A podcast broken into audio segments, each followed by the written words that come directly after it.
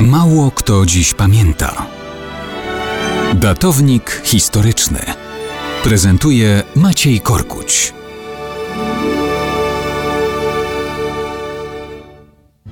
Jednym z ludów łupieszczych, który najbardziej zakorzenił się w zbiorowej wyobraźni Europejczyków z całego kontynentu, są Wikingowie. Były to ludy północy zamieszkujące początkowo Skandynawię. Nie trudno się domyślić, że półwysep ten o zimnym i niegościnnym dla ludzi klimacie, pełen lasów i ziem mało urodzajnych, niekoniecznie był wymarzonym miejscem do życia dla rozrastającej się ludności. Kiedy plemiona germańskich Anglów, Sasów i Jutów zasiedlały wyspy brytyjskie, Skandynawowie zajęli opuszczoną przez nich bardziej przyjazną do życia Jutlandię, czyli dzisiejszą Danię. Ale od przełomu wieku VIII i IX szukali dalszych miejsc osadnictwa. Mając przed sobą cały kontynent bogatych miast, a także wyspy od lat nie nękane najazdami, a więc od walki odzwyczajone i bezbronne, wikingowie korzystali z okazji kolejnych wiekach ich najazdy stały się elementem wspólnego doświadczenia ludów europejskich na wschodzie, na zachodzie